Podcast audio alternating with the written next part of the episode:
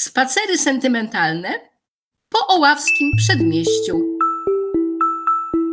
Uchem po trójkącie. Odcinek 10. Hydropolis, Rurmus i Aleja na grobli.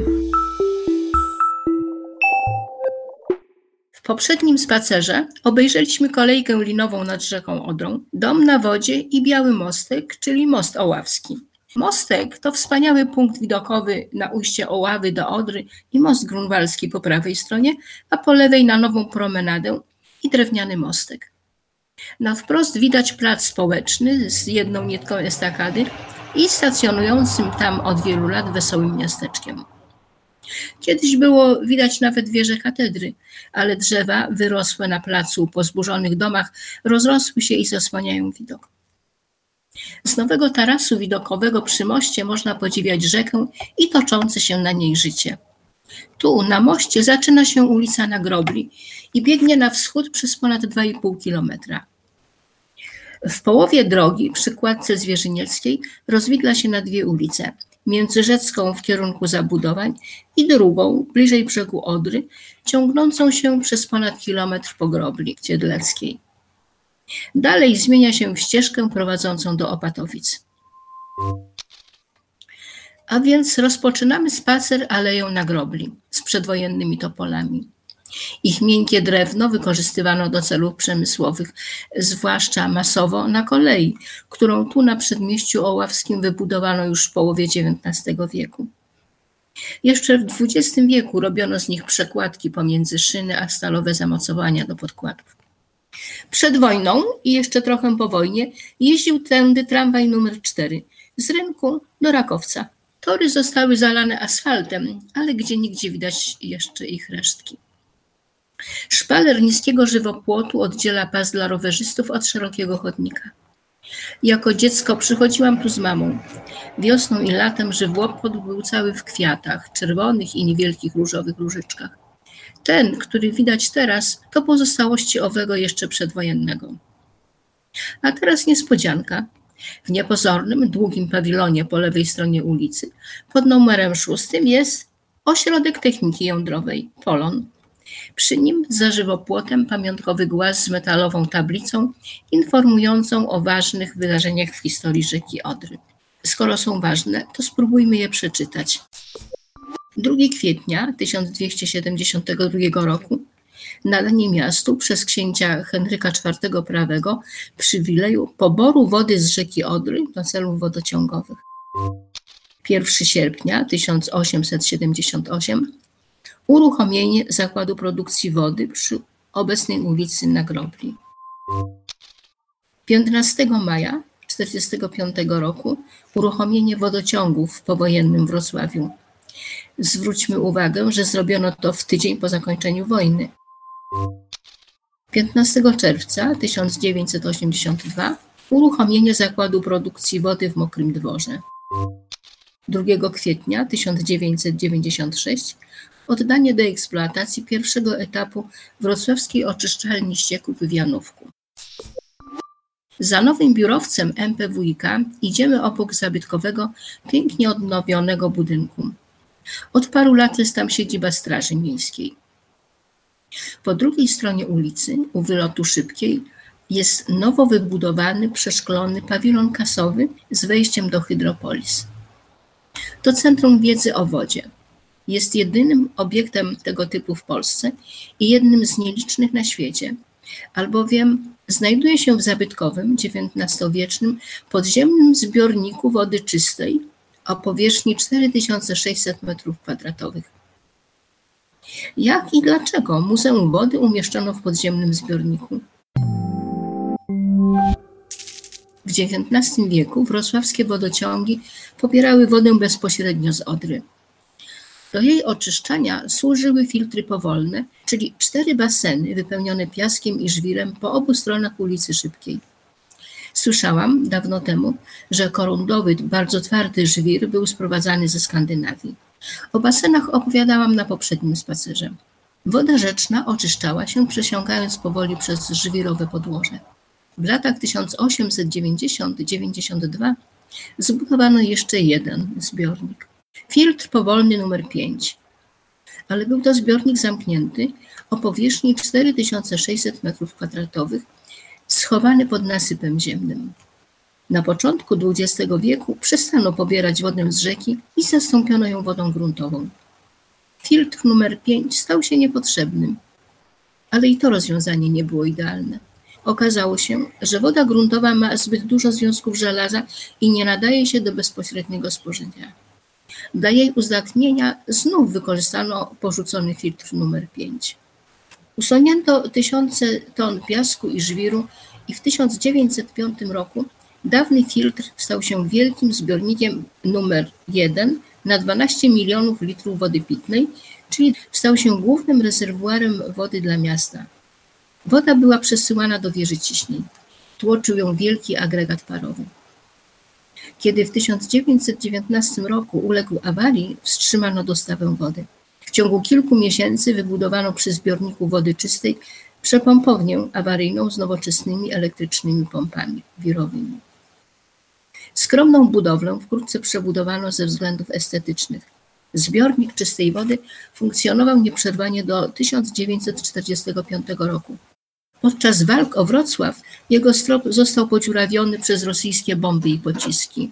Tuż po zakończeniu działań wojennych wykonano niezbędne naprawy i zbiornik znów gromadził wodę dla miasta przez 50 lat, bez napraw i czyszczenia, aż przyszła powódź tysiąclecia. 12 lipca 1997 roku fala powodziowa zalała wszystkie budynki i urządzenia MPWiK.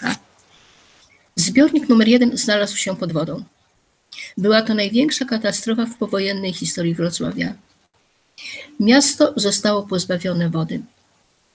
Dowożono ją wtedy do Wrocławia beczkowozami. Aby znów popłynęła do kranów, konieczne było oczyszczenie zbiornika. Wysłużony filtr numer 5 służył wodociągom do roku 2011. Wtedy zadecydowano o urządzeniu w nim Muzeum Wody. Dostosowanie zbiornika do nowej funkcji trwało 4 lata. Centrum Edukacji Ekologicznej Hydropolis otwarto w grudniu 2015 roku. Obiekt od 2002 roku znajduje się na liście zabytków. Cztery prostokątne komory zbiornika o murach grubości około 1,20 m z cegły klinkierowej są zagłębione w gruncie na 3,60 m. Nakryto je żelbetowymi sklepieniami, a te płaszczem z gliny i ziemi o grubości około 1,60 m i obsiano roślinnością łąkową. Na zielony dach zbiornika prowadzą pochylnie i schody. Kominki wentylacyjne wśród traw przypominają o zabytkowym charakterze obiektu i jego pierwotnej funkcji. Hydropolis oferuje zwiedzającym wiele atrakcji. Na początku zwiedzania wyświetla się film Planeta Wody na ekranie 360-stopniowym. Także głębiny tętniące życiem. W strefie historii inżynierii wodnej można przenieść się do średniowiecza i starożytności i poznać niezwykłe wynalazki. W strefie relaksu, odpoczywając na leżaku, można oglądać wspaniałe instalacje, słuchając aranżacji muzycznych, przykład szumu morza lub odgłosów dżungli. O roli wody w życiu człowieka dowiemy się w strefie Człowiek i woda. Aktualnie w Hydropolis do października bieżącego roku jest wystawa pod tytułem Przeciek. Dowiemy się między innymi, ile wody potrzeba do wyprodukowania pary jeansów, co wpływa na jakość i ilość wody, na przykład jakie znaczenie mają dla niej lasy, a jakie detergenty używane podczas prania i ochronne środki chemiczne. Wracamy na Aleję na Grobli. Po lewej, na skarpie, stoi okazały budynek z czerwonej cegły. To wieża ciśnień, niegdyś nazywana Rurmus. Gdy jako dziecko pytałam mamę, co tam jest, mówiła, że to fabryka wody i stamtąd płynie ona do naszego kranu. W połowie XIX wieku na sesjach Rady Miejskiej Wrocławia rozpatrywano problem zaopatrzenia miasta w wodę. Zamierzano zmodernizować dotychczasowe, niewystarczające czerpalnie wody. Debatowano wiele lat, aż wreszcie w maju 1861 roku wyasygnowano kwotę 700 talarów na opracowanie projektu wodociągów miejskich.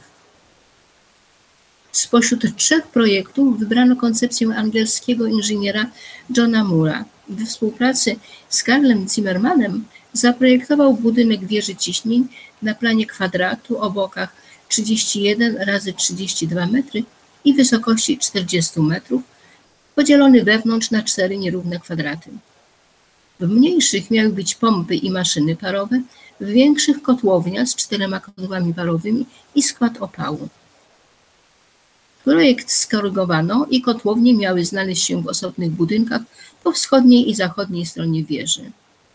Rurmus miał być wybudowany pomiędzy ujściem Oławy i lewym brzegiem Odry przy Am Weidendam, dzisiejszej Nagrobli.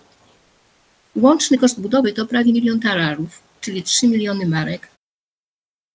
Do znajdującego się nad maszynownią zbiornika wody o pojemności 4125 m3 pompy były w stanie wtłoczyć 900 m3 wody w ciągu godziny. W 165-tysięcznym mieście na każdego mieszkańca przypadało 97 litrów wody dziennie. Dla porównania, dzisiaj jest to około 130 litrów, a miasto liczy niespełna 650 tysięcy mieszkańców. Wieża ciśnień zakończyła zaopatrywanie miasta w wodę w 1964 roku. Pozostała jako wspaniałe świadectwo połączenia rozwiązań technicznych z artyzmem detali wnętrza i rozwiązań architektonicznych. Jest to jeden z najpiękniejszych zabytków w Polsce i jedyny tego rodzaju w Europie. MPWiK czyni starania o pozyskanie funduszy na odremontowanie obiektu. W zamierzeniach jest udostępnienie go do zwiedzania, na przykład jako Muzeum Nauki i Techniki. Może uda się tam wejść? Wchodzimy od strony rzeki, otwierając drzwi dużym żelaznym kluczem. W sali z pompami podwieszone są wielkie suwnice.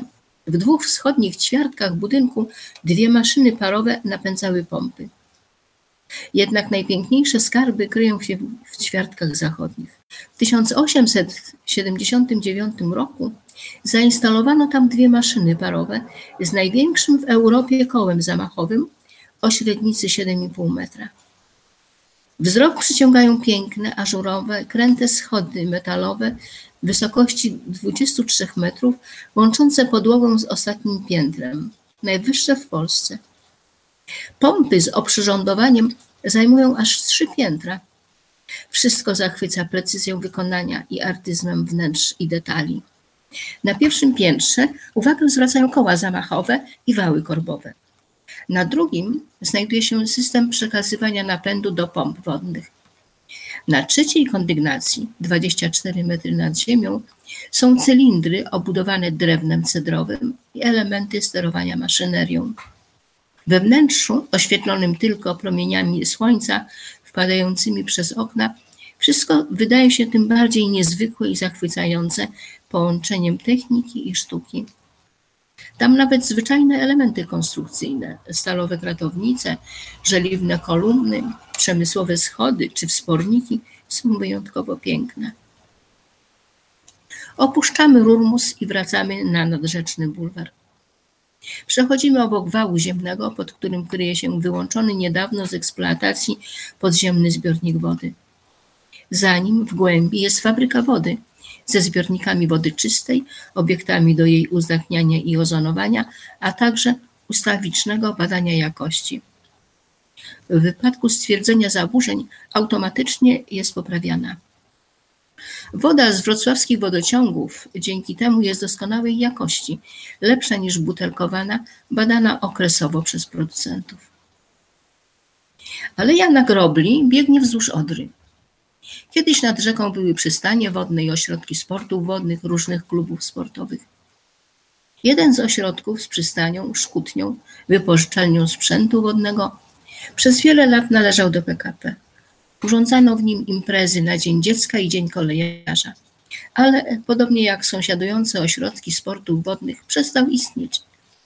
W tym miejscu jest dzisiaj nowe mini osiedle Marina Viator z przystanią i polami biwakowymi na przybrzeżnych łąkach.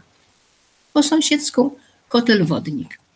Na końcu alei był od roku 1878 pierwszy klub wioślarski Bratysławia, Po wojnie mieścił się tam szkolny ośrodek sportów wodnych, SFOS. Mając 12 lat, w tajemnicy przed rodzicami, trenowałam tam kajakarstwo, chcąc przemóc awersję do wody. Kajaki treningowe w basenie wewnątrz budynku były na obu końcach przywiązane linami. W kapokach z prezentową osłoną od pasa do burt kajaków wiosłowaliśmy w miejscu przez dwie godziny.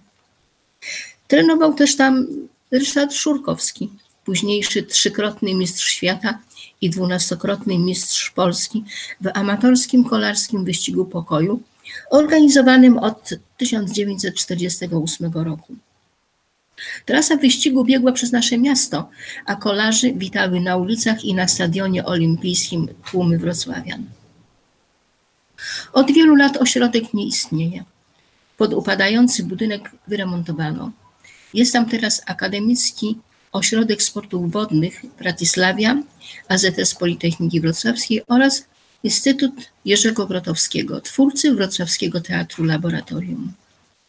W jego teatrze nie było rozdziału pomiędzy sceną a widownią, a rekwizyty ograniczono do minimum. Była to eksperymentalna scena, wciągająca widzów do aktywnego uczestniczenia w przedstawieniu. Jego książę niezłomny zrobił na mnie tak ogromne wrażenie, że pamiętam to przedstawienie, choć byłam na nim ponad 40 lat temu. Dalej widać wiszącą nad Odrą stalową kładkę pieszo-rowerową prowadzącą do zoo. Wybudowano ją w miejscu istniejącej jeszcze w latach 60. przeprawy promowej. Łódź motorową, poruszającą się wzdłuż liny pomiędzy oboma brzegami rzeki, obsługiwał starszy autochton w czarnym kapeluszu, dziwacznie ubrany. Z przeprawy korzystano dość licznie, zwłaszcza w letnie niedziele, kiedy to z rodzicy z dziećmi odwiedzali ogród zoologiczny. Gdy przewoźnikowi przydzielono kasjera, dość szybko przeprawa przestała istnieć. Na brzegu Odry, w pobliżu kładki zwierzynieckiej, znalazłam ślady istniejącej tam niegdyś przeprawy. Resztki kamiennego, brukowanego pomostu i trzy żelazne pachołki do cumowania łodzi. Resztę zniszczył czas i powódź tysiąclecia.